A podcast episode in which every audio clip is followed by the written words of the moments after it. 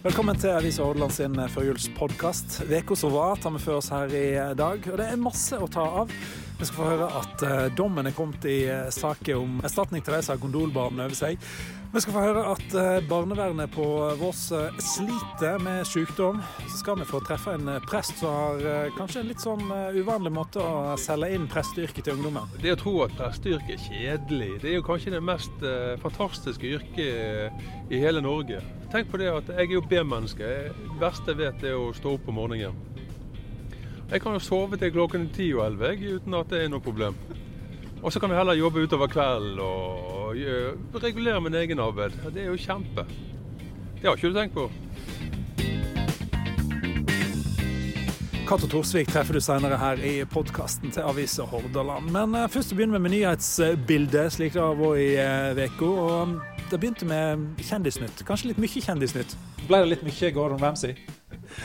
Ja, det har vært litt uh, mange artikler, kanskje. Uh, men når det er sagt, så syns jeg at vi som lokalavis vi skal absolutt dekke en hending der en internasjonalt kjent person som Gordon Ramsay kommer til bygda og plutselig dukker opp på et bord borte på Vangen kafé på en fredags, fredag ettermiddag. Ikke veldig ofte sånne ting skjer? Nei, det, det er ikke det. Og dette var jo helt uventa folk som var ute og så han, reagerte jo og sendte oss tips. Og, og når vi skrev om det, så fulgte Dagbladet opp, og BA i Bergen skrev videre om det. Og, så det er klart at vi i Hordaland vi skal ha en sak om det som skjer rett utenfor, utenfor døra vår. Ja.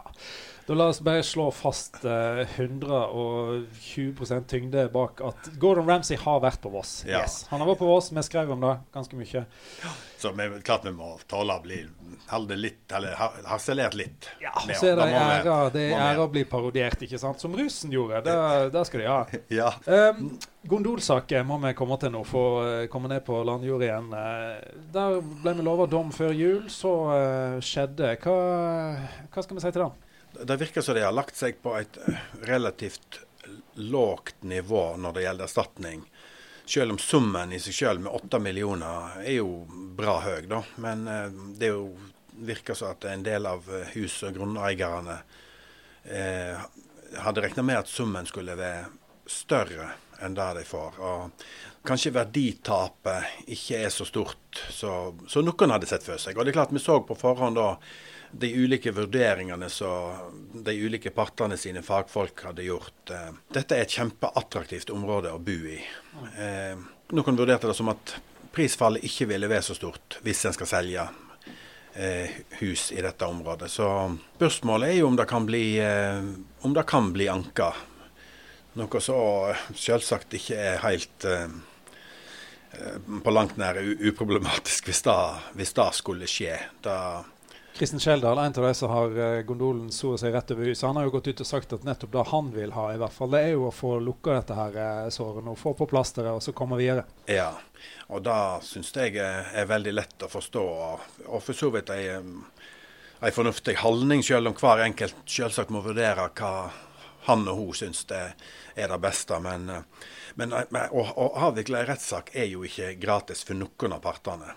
Og saksomkostningene her har jo alt vært en del. Og hvis en skulle få en ankesak, så vil jo de bli enda større. Og, og, det er klart, du er ikke garantert om du får, hvis en anker og, få større erstatningssum. En kan òg risikere at den blir, blir, mindre. Så da veit en aldri. Og, om noen skulle oppleve at de får større utgifter på saksomkostninger enn det de får inn i erstatning. For summene varierer. Det er fra 60 000 og oppover. Så, så det er en avveining som de må gjøre. Da får vi bare se hvor det blir dette her. Og så leste jeg som vanlig om det først i uh, Avisa Hordaland. Og um, det de snart skal kunne lese mer om, det er mer økonomi. Det politiske dyret Rolf Tepstad han har vi låst inne nå i ei uh, og hevet inn masse papir der det står om uh, lønninger i uh, ymse sjikt, toppsjiktet her nå. da. Og Hva har du knekt deg fram til her nå, Rolf?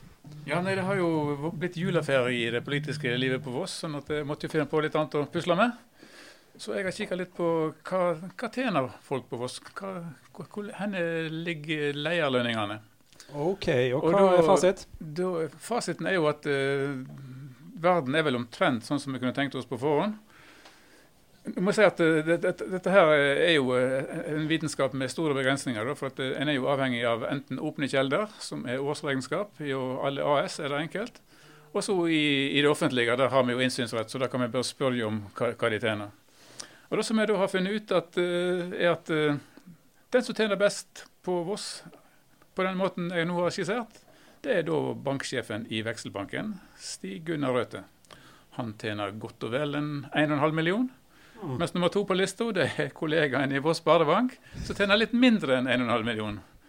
De da, da blir det nok en forandring på noe, tenker jeg. De ligger da vakkert på toppen, iallfall.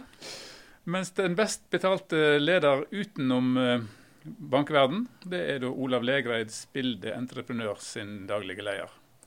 Ja, så det, det er vel omtrent som en kunne vente, men det er greit å få bekrefta at sånn er det. Og så har vi også kikka på offentlig sektor. Og der er det også en skulle vente at det er da rådmannen i det nye Voss herad som ligger på topp, så vidt framfor sykehusdirektøren. Altså det er Arild Steine på topp framfor Olav Lødemel, sykehusdirektør. Begge med ca. 1,3 millioner i, i årslønn, ifølge våre kilder. Det er manntungt her. Er det, kommer vi finne første, for å finne første dame? Ja, hvis en går i privat sektor, så må en da ca. ned på tiendeplass av det som vi har funnet fram til, for å finne Vangen Elektriske sin daglige leder, Anne Maria Langeland. Mens eh, på, i offentlig sektor så er det da legevakt, eh, inter, interkommunal legevaktsjefen som, som topper lista. Og det, det ligger godt ned i i, i feltet her. sånn at det, Kvinner er både færre og de tjener dårligere i sine lederposisjoner. Mm. Hvordan høver dette her i forhold til tidligere år? Er det sammenlignbart, eller begynner det å skje ting? Nei, vi har ikke hatt noen sånn liste overfor oss, og dette her er relativt uh, nytt. Vi har, en, en, gang før jeg kan huske at jeg har skrevet om offentlig sektor. Jeg har aldri skrevet før om uh, privat sektor. Så det er veldig vanskelig å sammenligne det jo, eh, tvinger seg jo fram et naturlig spørsmål her. Da. Han eh, karen som sitter høyre for deg her, hvordan uh, figurerer han på noen slags liste? Eller? Vi, vi må jo ha litt uh, åpenhet her når vi driver og jobber i denne bransjen her. Jeg kan si at På de lista som vi presenterer i Lørdagsavisa, så vil redaktør Geir Gjetle ikke finnes. Derimot så vil vi finne daglig leder i Hordaland Bladdrift, Terje Olsen, relativt høyt oppe på lista, med godt over en million i årslønn. Akkurat. Ja, ja, ja. Du kan jo uh, sette fart i ordskiftet både innenfor og utenfor avishuset, men uh, da får vi så. Er det andre ting du har uh, klekka deg fram til inni, uh, inni hullet her, bortsett fra at det er smart over i bankbransjen? Nei, jeg vet ikke hva jeg skal si til det. Det, det, det har vært ei litt stille, stille uke med politiske begivenheter. sånn at det er litt sånn Det begynte å senke seg en viss jule, julestemning. Juletrøtthet over landskapet. Sånn er det. Det får vel egentlig være godt både for de som skal dekke politikken, og de som driver den. En ting som nå kom på tampen av året her, eh, Geir, det var jo um, dette her med Vosso-laksen. Nå uh, har det vært møte, og det ser ut til at fagfolkene nå går inn for å redde laksen ved å la den få være i fred. Um, hvor fornuftig høres det ut?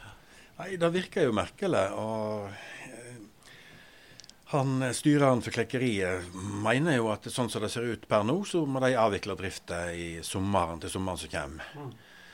Og at det skal hjelpe, eh, er veldig vanskelig å forstå.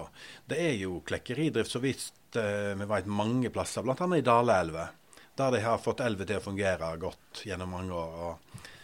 Det høres ikke særlig oppløftende ut, syns jeg, at det, at det er sånn løsning de ser ut til å gå inn for nå. Det er stiller jeg spørsmål ved. Og jeg kan jo skjønne prinsippet at dette her må bli sånn at etter hvert så skal elve klare seg sjøl. Men mm. er vi over kneiken? Det er vel kanskje mange lurer på. Ja, ja nei, i, i, prinsippet så kan det jo være, være fornuftig at eh, at den må klare seg. Eh, og hvis ikke den klarer seg, at hun kanskje Da går dukken. Men det er jo nettopp det med er den fasen må gjennom før at eh, stammo skal klare seg. Det er det som ikke det er det som er vanskelig å si. Nå er det tross alt nærmer det seg 30 år med veldig eh, lite eh, laks i elva. Så en kan vel kanskje ikke snakke om en forbigående periode heller lenger. Eh, Det koster veldig mye penger, men det er jo forskningsarbeidet som koster veldig mye penger. Jeg syns det er veldig løye at ikke de vil drive klekkeriet videre. At ikke det offentlige vil legge til rettes for det med støtte fra BKK, da, som, som har drevet med masse kraftutbygging i området. Og prøve å legge til rettes for det, og holde det i gang videre og se om det dukker opp eh, eh, løsninger. Det er sikkert ikke sagt siste ord i den saken her heller, så da får vi bare ta oss og følge med på. Og så er vi så viselig innretta her i uh, Bladstovo da, at um, må ikke tro at det slipper ut på noe juleferie å snakke om. Så eh, vi skal jo høres neste uke òg, i romjule. Ja, nei. Vi skal lage både aviser og papiraviser og artikler til nett. Nesten hele jula. Håper du ikke blir nødt til å lage nyhetene, for da skjer sikkert et eller annet likevel. Det gjør nok det.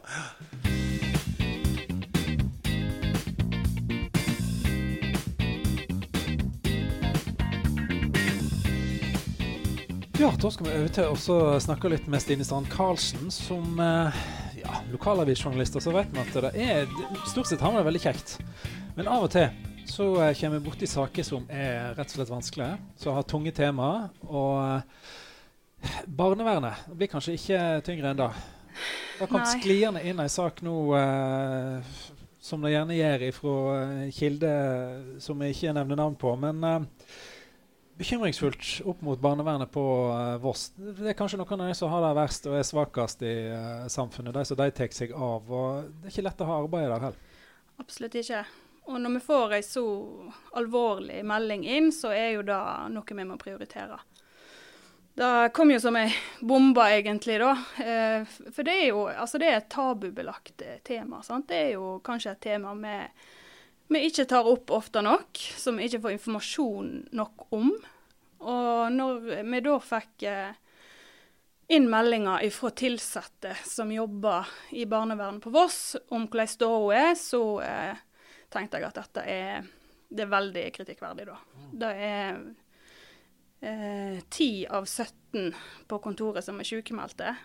De som, stakkarene som sitter igjen, de er overarbeidet og Veit ikke hvordan de skal få ting til å gå rundt. De forteller om at de daglig tar Paracet, at de ligger våken om nettene. De har mange eh, familier og unger å ta seg av. Og at de òg må nedprioritere lovpålagte møter og ta det mest akutte. Da? At det, dette er noe som går ut over de svakeste i herredet vårt, og, og sånn kan vi ikke ha det. Vi må ha hjelp. Det var liksom den meldingen vi fikk.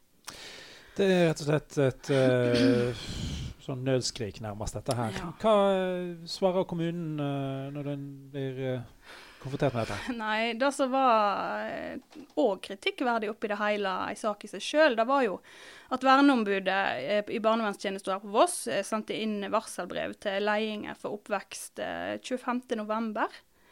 om ståa, og at de ville at det, de, det skulle kobles opp mot arbeidsmiljøloven, om dette var forsvarlig. Og de mener jo at det ikke var en forsvarlig måte å, å jobbe på. Eh, og det brevet var ikke å finne i postlistene for oss. Det, altså All korrespondanse til og fra kommunen skal ligge på de offentlige postlistene.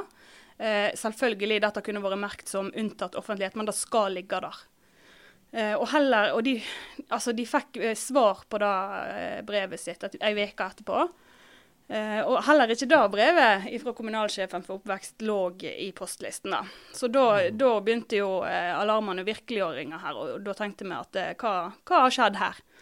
Så vi konfronterte da eh, oppvekstledelsen med dette, og da får vi til svar at dette var en feil, og at det skal rettes opp i med en gang.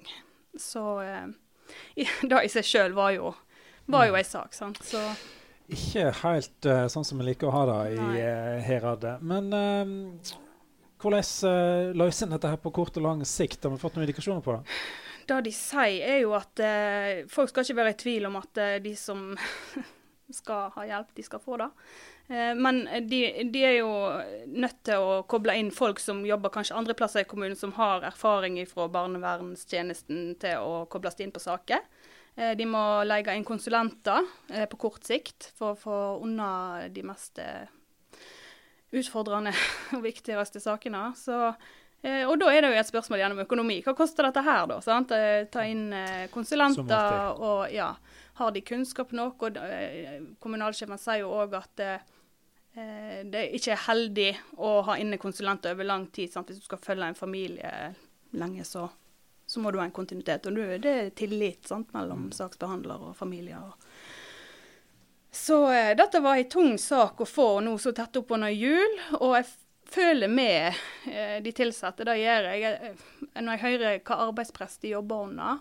At de ikke får ta seg fri i julet, sånn som de kanskje var tenkt. Eh, de har ikke samvittighet å be om sykemelding, for da går det jo utover de her stakkars familiene og ungene som trenger hjelp. Dette er jo noen av de som så, trenger hjelp mest i samfunnet, absolutt, og i ei høytid. ikke sant? Så, ja, og da sa jo òg i svaret fra kommunen, så fikk vi jo beskjed om at jula er jo ja, det er ei tid der de får inn en god del meldinger. Mye kan skje. Det, det kan være alkohol i bildet. sant? Uh, unger det, det, kan være mye. Så da er jo òg løsninga å ta inn konsulenter i, i mellomtida nå, da.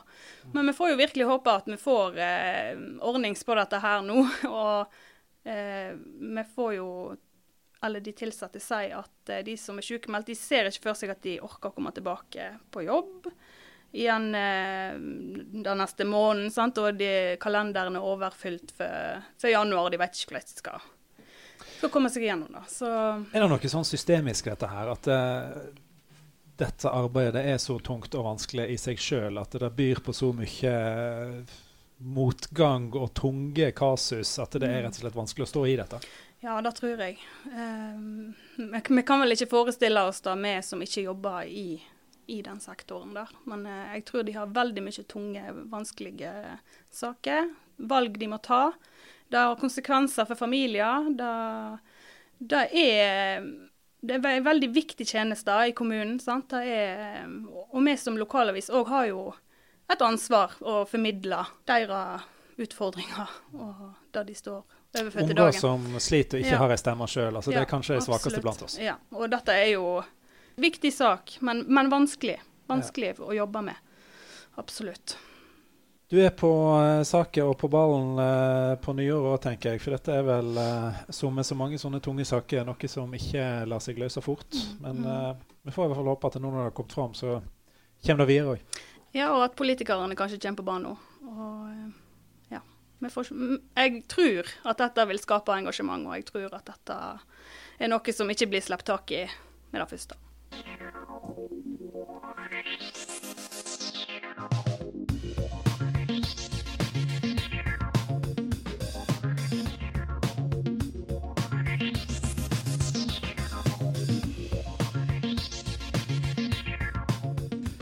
Se, Da skal vi haste videre her i ei velfylt uh, førjulspodkastsending fra Avisa Hordaland. Og um, over til det politiske dyret igjen, da, som uh, nå har beveget seg over i det, det kupolitiske. Kyrne får jo uh, skulde for alt som er gale med klimaet. De promper for mye. Men uh, nå skal det bli uh, snuing på fliset og promping til velstand og velbehag for vossingene, Rolf. Ja, altså prompingen får vi ikke gjort så mye med. Den vil nok fortsette. Men det som nå er på gang, og som en veldig stor mulighet for at Voss kan få, det er et eh, biogassanlegg. Det er IHM som driver og utreder dette her. Og det er egentlig et genialt prosjekt. Det er nærmest et kinderegg. Tre, du løser tre problem på en gang. Eller iallfall det, det, det er tre effekter her. Eh, du putter inn kyramøk, matavfall og kanskje rester både fra fiskeoppdrett og den nye larveproduksjonen på Vås. Og av, av, dette her, så, Gjennom en prosess her så utvikla en biogass. Mm. Som da kan eh, erstatte diesel, bensin og all styggedom som er på tankene på alle biler og ferger og hva som helst. Et utslippsfritt drivstoff, det er da den, den andre tingen her. Og så Det tredje er at eh, resten av produksjonen, bioresten som det heter på fagspråket, den vil da være et veldig næringsrikt, mineralrikt eh, gjødningsprodukt som går tilbake til jordbruket. Aha, Så her skal en rett og slett forvalte det som bøndene normalt uh, har ball med å få spredd på bakkene. Skal det bli uh, brukt på en fornuftig måte først, og så blir det brukt på bakkene igjen? Så ja. dette må jo med vinn-vinn-vinn, ja. Dette Minst kinderegg. Sånn, en evig, evig rundgang her med veldig miljøvennlige, klimavennlige pro prosesser. Mm. Og Voss er rette plassen for å bygge et stort anlegg for den biogassen. Pga. at eh, det mest volumiøse innslaget i denne prosessen som skal skape, biogassen, det er, det er husdyravfall, altså møk. Mm. Ky- Kyr, sitt avfallsprodukt.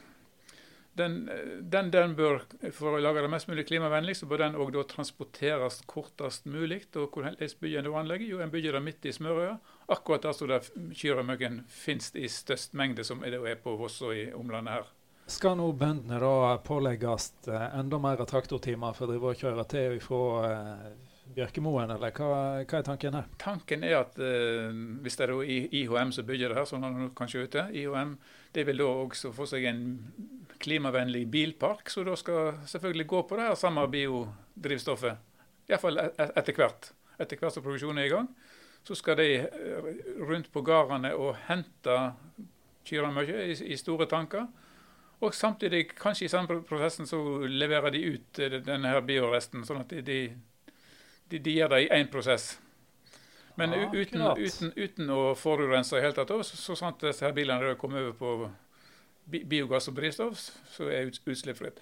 Og eh, andre avtakere av det her biogassen, det er jo alt i dag så kan de jo eh, selge det til fylkeskommunen, som driver eh, gassfrie ferjer, f.eks. Og veldig mange store aktører i transportbransjen de er veldig innstilt på å gå over til biogass som drivstoff for sine mange store kjøretøy. Dette er framtida, kort og godt.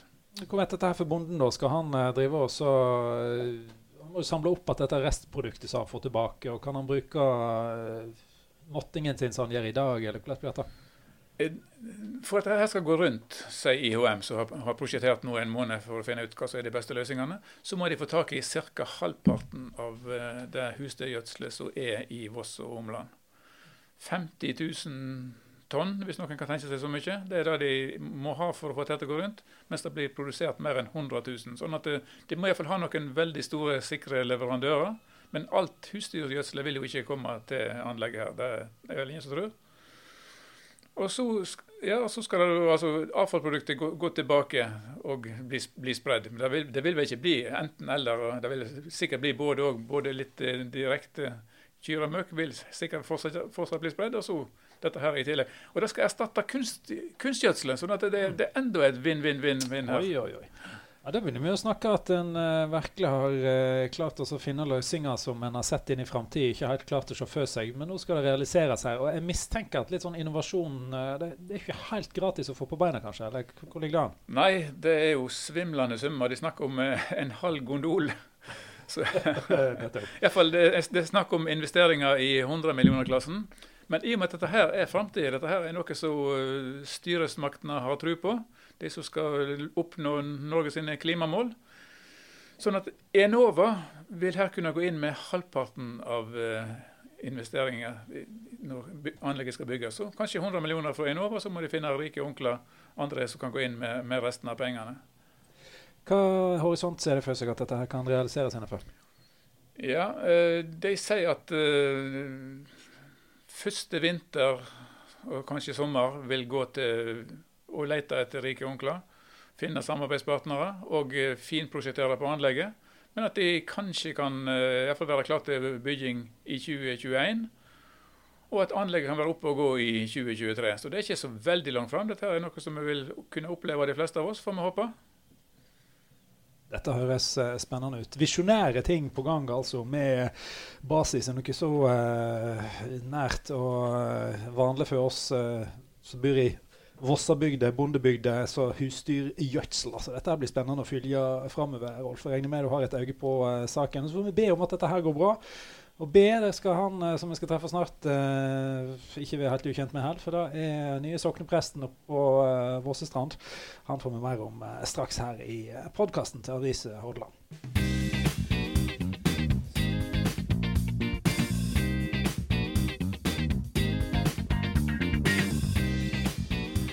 Cato Torsvik heter han, bergensgutten som nå er ny sokneprest på Vossestrand. Han eh, treffer du i papiravisa i dag. Der er han eh, portrettert. Og eh, vi fikk òg med han på en biltur. for Jeg ble sendt ut for å fotografere han i Kirkenes oppe på Vossestrand. Og Den bilturen den skulle vise seg at jeg var i gode hender under. For mannen har håndtert ambulanseratt før han setter seg bak rattet i prestebilen. Men selve intervjusituasjonen den var litt ny for oss begge. Jeg har vært med på ganske masse sånn intervjumessig, men altså, Bokbussen har en intervjuer kanskje, og eh, sånne ting. Men altså, prestebilen, den er, den er ny for meg. Det første gangen for deg òg, Cato? Første gangen det har blitt intervjuet i bil. Men du vet at prestens bil blir kalt for Himmelekspressen. Akkurat. Ja da. Så det er, helt siden jeg jobbet i Vardø, så har de kalt bil for Himmelekspressen. Er det fordi at du kjører sånn at er den sannsynlige plassen å havne etter å ha sittet på med deg, eller hva? Nei, det er jo ikke det, men eh, det er jo mange som mener jeg eh, kjører litt eh, for fort. Er det sånn der eh, Ja, jeg kan jo bare få vel velsignelse etterpå, så det er greit? Nei, det er jo egentlig ikke det. Jeg prøver egentlig å være snill, men du vet at eh, har man det travelt og man skal her og der, så ja. Jeg håper po politiet kjører på dette. Nei da, vi får satse på at det går an å få litt tilgivelse fra den kanten òg, går jeg ut ifra. Men um, altså det der med å være eh, prest Vi leser jo nå at eh, presterollen er um, ikke like mange som stiger inn i den lenger som det var. Det er vanskelig å rekruttere i en del eh, distrikt. Ikke på Voss, men flere av de rundt oss. Hva tror jeg kommer? Ja, vi er nok inne i en uh, omstillingsperiode i samfunnet. Dessverre. Jeg ser det at eh, de menneskelige verdiene har på en måte blitt skjøvet litt til siden fordi at eh, de, det er mer de økonomiske verdiene som eh, er i fokus. Så er det om å tjene mest mulig penger og, jobbe minst mulig og, og ha liksom karriere. Og, da går man glipp av en del ting. Og jeg tror at Eh, jeg tror at uh, de menneskelige verdiene vil komme mer og mer i fokus. Sant? både som lærere, sykepleiere, prester har blitt på en måte dessverre litt sånn nedprioritert i samfunnet. Men behovet er jo enormt. Og, og, og f.eks. det å være prest det er jo noe av det mest givende man kan være med på. Sant? Fordi at man får jo være med fra Eh, fra, fra, fødsel til, eh, til døden. Og, mm. eh, og, være med gjennom hele livet til mennesker. Og det å få lov å være medvandrer, det å få lov å være med og høre historien og være med i bryllup og gudstjenester og dåp og alt dette, det er fantastisk. Og jeg tror at hadde ungdommen sett og tenkt over hvor fint det er å være prest, så uh, tror jeg at uh, mange hadde kommet. Og uh, det er jo som han ene sa, at presten kommer i kirken en gang i året, og det er på julaften. Men det er jo ikke det. Vi har Jeg f.eks. jobber mye med ungdom. Og elsker å jobbe med barn og unge og har det utrolig kjekt. Jeg er jo også, som mange kanskje ikke vet, nordisk stormester i snøballkasting. Oh. Ja da. Så uh, hvis du ser på eh, episode 7 og 8 i Snøballkrigen som gikk på NRK, så ser dere meg. Og det å, uh, det å tro at presteyrket er kjedelig, det er jo kanskje det mest fantastiske yrket i hele Norge. Tenk på det at jeg er jo B-menneske. Det verste jeg vet, er å stå opp om morgenen. Jeg kan jo sove til klokken 10 og 11 uten at det er noe problem. Og så kan vi heller jobbe utover kvelden og regulere min egen arbeid. Det er jo kjempe. Det har ikke du tenkt på? Jeg må innrømme at argumentasjonen her nå eh, havner i, eh, på andre kanter enn jeg kanskje hadde trodd når du skulle snakke opp presteyrket. Men eh, nei, hvorfor ikke? Men det er jo en dimensjon her som du nevner. Det er at dette her altså følger mennesket fra vogger til grav. Det er jo, Jeg kan forstå det er givende, men er ikke det òg altså de tunge sidene av presteyrket. Dette med død, lidelse, sorg, sakn. Er ikke det tungt for deg òg? Det er lett å ta, ta, over dette her, og at, eh, at det blir for voldsomt. Hvordan klarer en å ha på en måte distanse til, til all den sorgen som det medfører? på en måte? Det er jo eh, altså Døden er jo eh, så monumental og så, så, på en måte endelig at det og brutalt at det Det er nok ikke noen uh, enkel uh, måte å forholde seg til døden på. Um,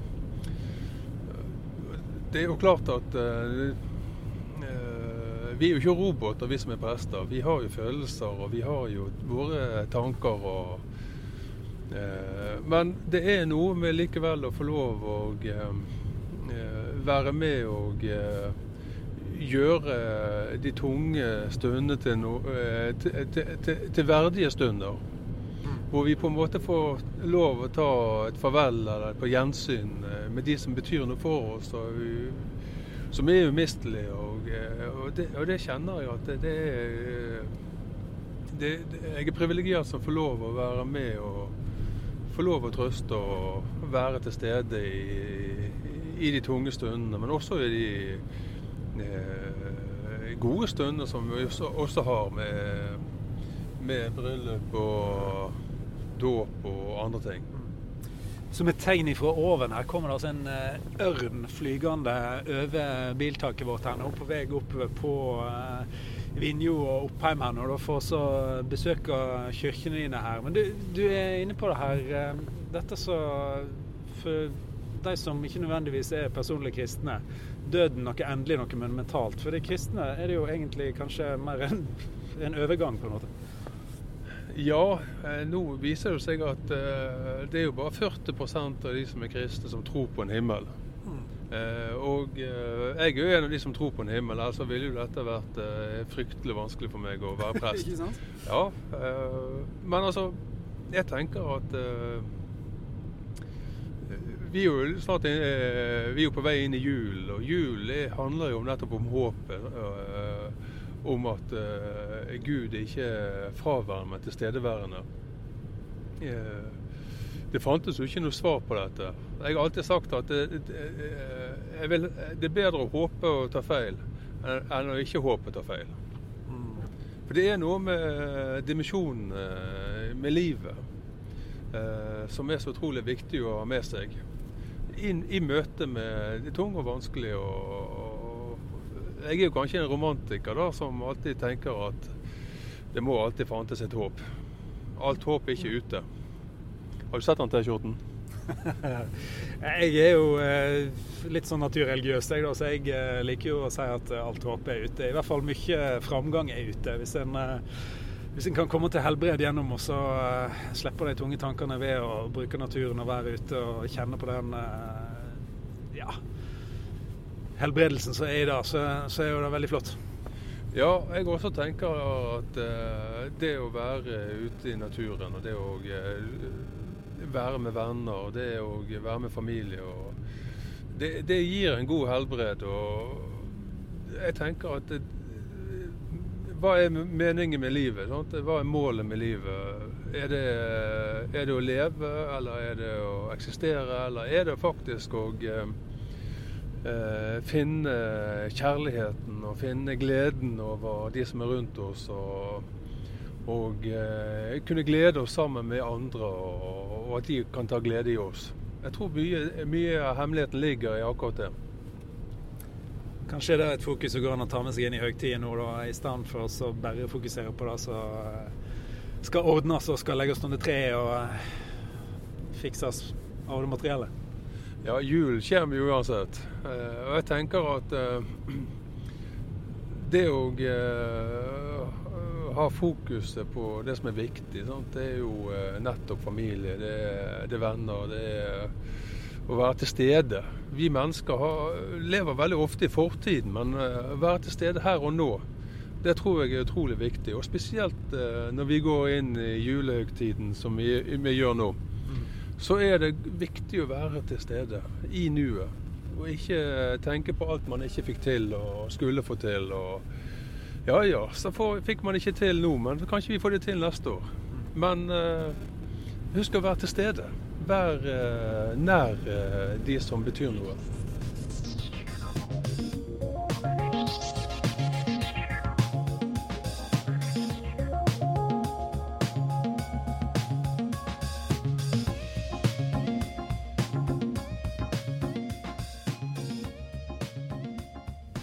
Sa da var prestefotografen og presten i bilen igjen, da. Og Cato, nå kommer det jo fram opplysninger som gjør at jeg føler meg veldig mye tryggere, selv om du sier at du har en tendens til å kjøre noe fort. For bakgrunnen din er jo i mer eh, ambulante og akutte ting enn uh, prestetjenesten.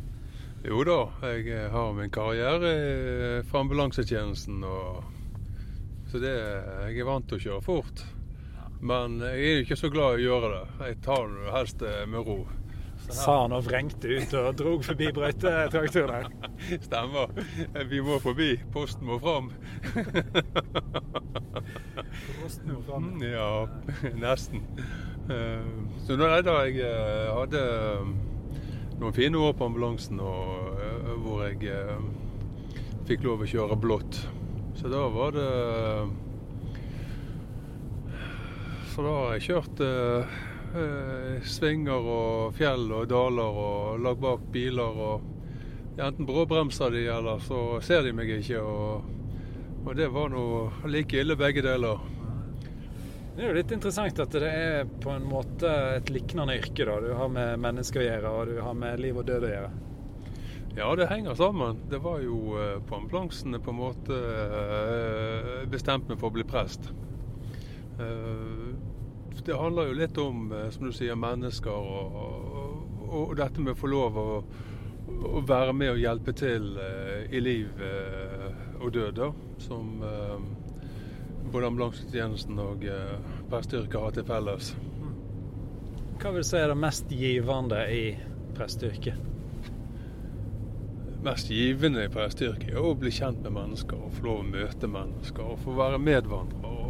Jeg er jo grådig nysgjerrig av meg, da. Uh, og liker å lære nye ting. Og, det, og, det, mange ikke tenker over, er at uh, alle mennesker har en historie. Å få lov å, å, høre hele eller deler eller litt ut av historien til mennesker, det er utrolig spennende. Og uh, det er rett og slett fordi at Nå snakka seg litt vekk, så det var beskjed fra bilen om at han holdt på å skifte felt her. Men det går greit, folkens? Jo da, jeg har ikke krasjet ennå. Men hva snakket vi om? ja, det var disse historiene som du var inne i. da. Dele historier og finne ut mer om mennesker. Ja, og, det, og det, man tenker liksom ikke over det. Man tenker liksom gjerne at ja, mitt liv har vært ubetydelig. Jeg har jo bare uh, bodd på en gård og ikke gjort noe som helst. Men så viser det seg at man har gjort ganske mye. Og det å få lov å ta del i disse historiene For eksempel, jeg hadde en gravferd en gang til en gammel krigsseiler. Og historien var helt fantastisk, fordi at uh, han bodde i Haugesund. Og så brøt krigen ut, og så hadde han lyst til å være med og kjempe for uh, konge og fedreland. Så han og en kompis uh, sa til de andre bygdene at de ville reise ut. Og da kom bakeren med noe brød, og bøndene kom med noe melk. Og så rodde de over til England. Og der ble de en del av den norske marinen eh, engelske marine, og eh, kjempet da for Norge under hele andre verdenskrig. Og når, og når krigen var over, og eh, de kom seil opp Oslofjorden, jeg tror det var 9. mai, eh, med kong Haakon, så eh, var de norske flagg heist, og det var jo sikkert en million mennesker ute i gatene for å hilse kongen velkommen. Og, eh, men når han skulle gravlegges så fantes det ikke Var det ikke noe sånn hilsen fra Slottet eller det offentlige eller regjeringen eller sånt. Så jeg ringte jo til Slottet og spurte hvor blomsten til denne helten var hen. De måtte jo få sendt en blomst. Men han sto ikke på listen. Mm. Og da slo det meg at uh, vi må huske å ta vare på hverandre og æres æres den som æres skal. Uh, og spesielt disse som har kjempet for, for vår uh, fred. Eh, som disse gamle krigsseilerne. De tok jo mange år før de på en måte fikk i det hele tatt anerkjennelse for det de gjorde. Mm. Og det er jo nettopp disse historiene som gir så utrolig mye eh, inspirasjon og, og, eh, og setter liksom livet litt mer sånn i perspektiv. Mors i grav Sivle-monumentet her borte, da, på eh, Oppheim kirke, der vi har kommet eh, nå, på ferden i eh, soknet til Cato her, da. Disse kirkene dine, Vinje, Oppheim og Jordalen kapellet, hvordan fordeler du ting derimellom? Jeg har tre til fire gudstjenester i måneden. Jeg har, jeg har krav på én sammenhengende frihelg i måneden. Aha. Så da, ellers så har jeg gudstjenester eh, her. Så da har jeg stort sett eh, to på Vinje og én på Oppheim, eller eh, to på Oppheim og én på Vinje. Det kommer litt an på aktiviteten og hva vi holder på med. Mm. Og spesielt i forhold til trusopplæringen og, og, slike ting. Eh, og så har jeg eh, eh, Fire ganger i året har jeg gudstjeneste i Jordal kapell. Jeg kaller jo Jordal for eh, Sanadu, den hemmelige dal. Jeg trodde ikke han eksisterte før jeg eh, kom opp der. Så det var veldig spesielt for å komme til Jordal. Og så er jeg eh, vel den eneste som noen gang har kjørt seg vill i Jordal. Den sitter langt inne, altså. Ja, sitter langt inne. Jeg tenkte de var så hyggelige. De sto og vinket til meg, og jeg kjørte forbi skolehus og kom ned igjen. De sto fremdeles og vinket. Det var hyggelige folk i Jordal. Og, og når jeg kom opp for tredje gangen, så uh, kom de ned i veien og stoppa meg.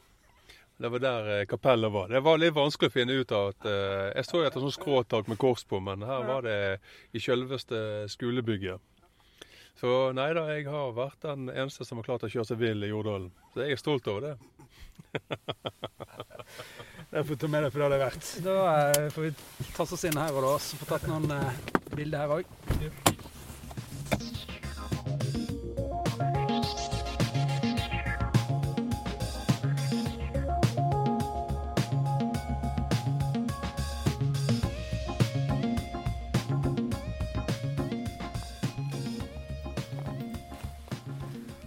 Skal vi få stige inn i kirka på Oppheim, da. Og jeg ser jo at gjør dør i høg, gjør porten vid, burde hatt en følgende setning. Gjør nøkkelen stor. For det, det er jo ordentlig kirkedørsnykler, dette her. Ja, han eh, veier eh, sikkert 20-30 gram, og jeg vet ikke hvor lang han er, 10 cm. Så det, det er noe med å ha sånne nøkler som du kjenner når du skal åpne opp en dør. Så det, det hjelper på. Ja. Du føler deg liksom ekstra stor når du kommer. Det blir litt, skal være litt andektig, skal ikke gjøre? Ja, det skal være litt andektig. Da får vi stige inn.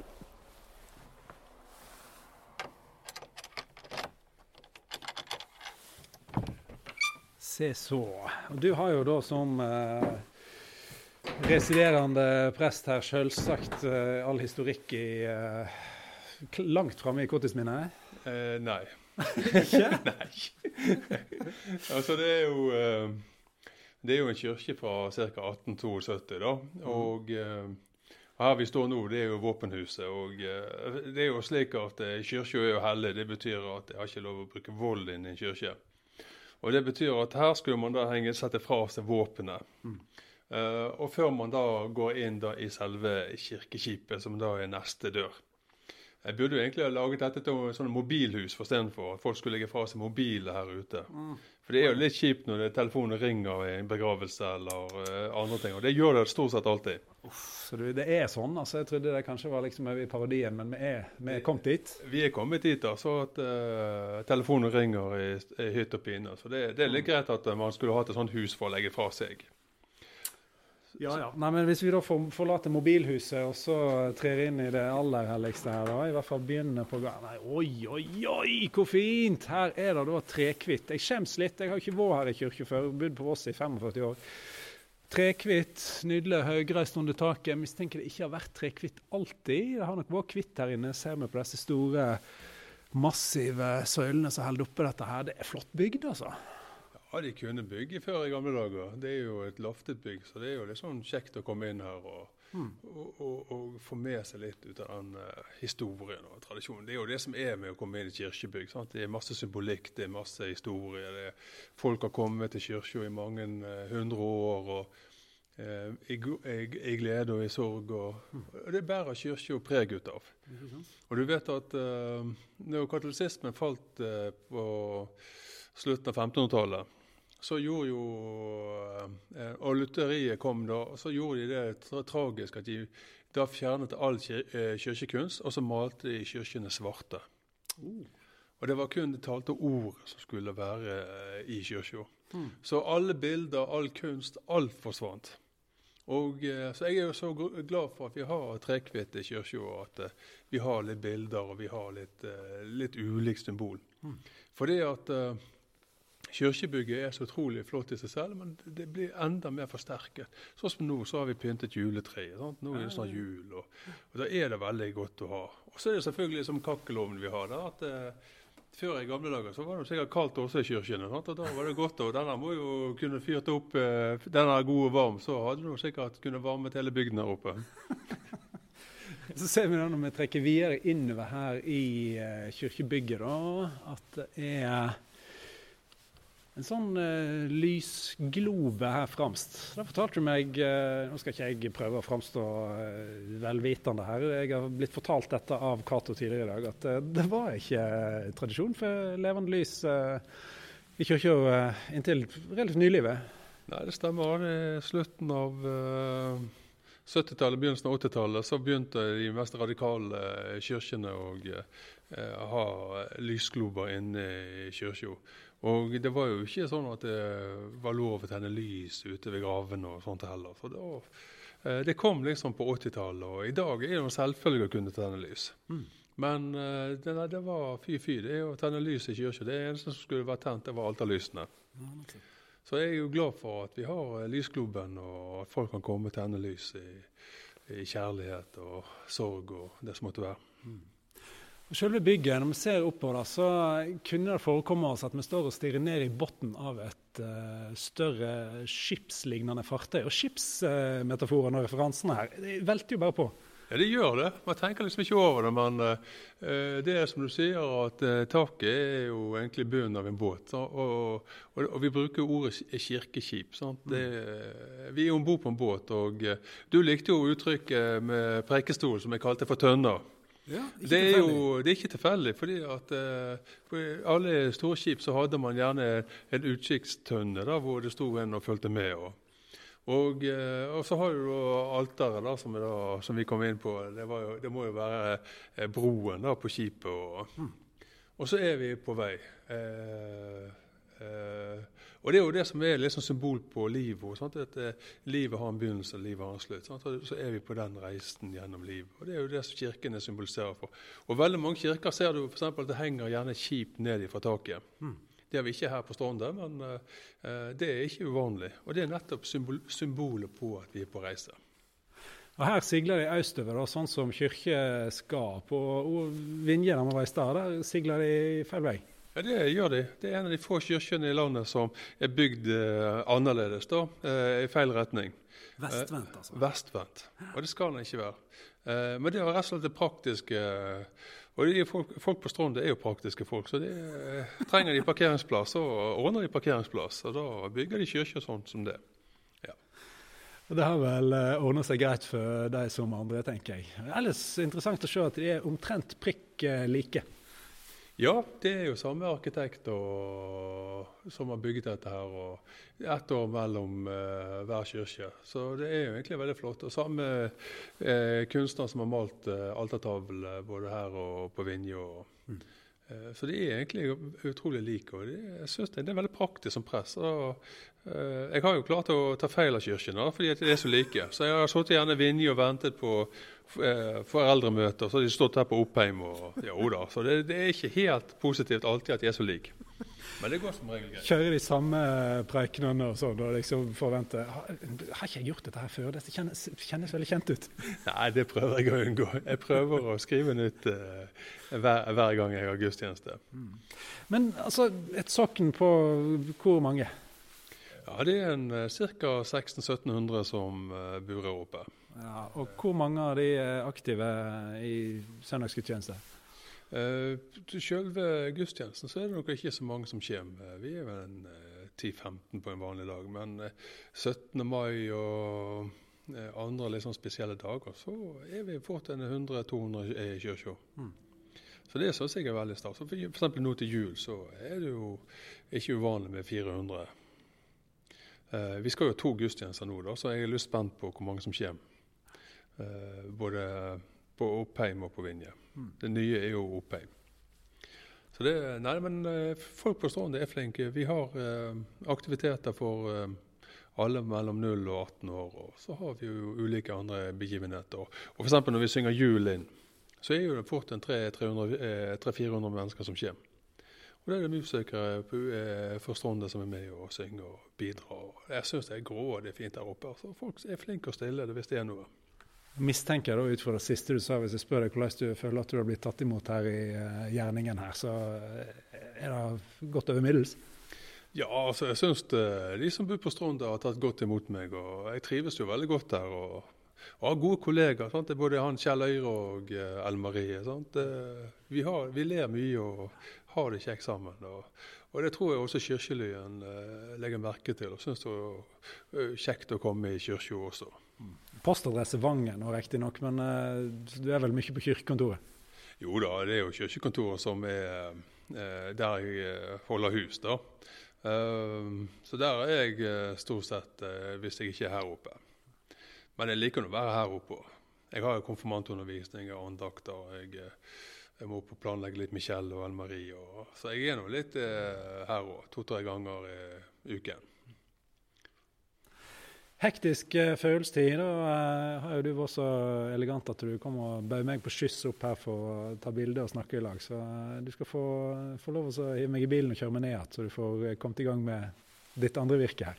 Ja, nå skal vi se om vi ikke kan bli få litt sånn ambulansekjøring nedover. Ja, det blir sånn. Jeg får bare sitte på.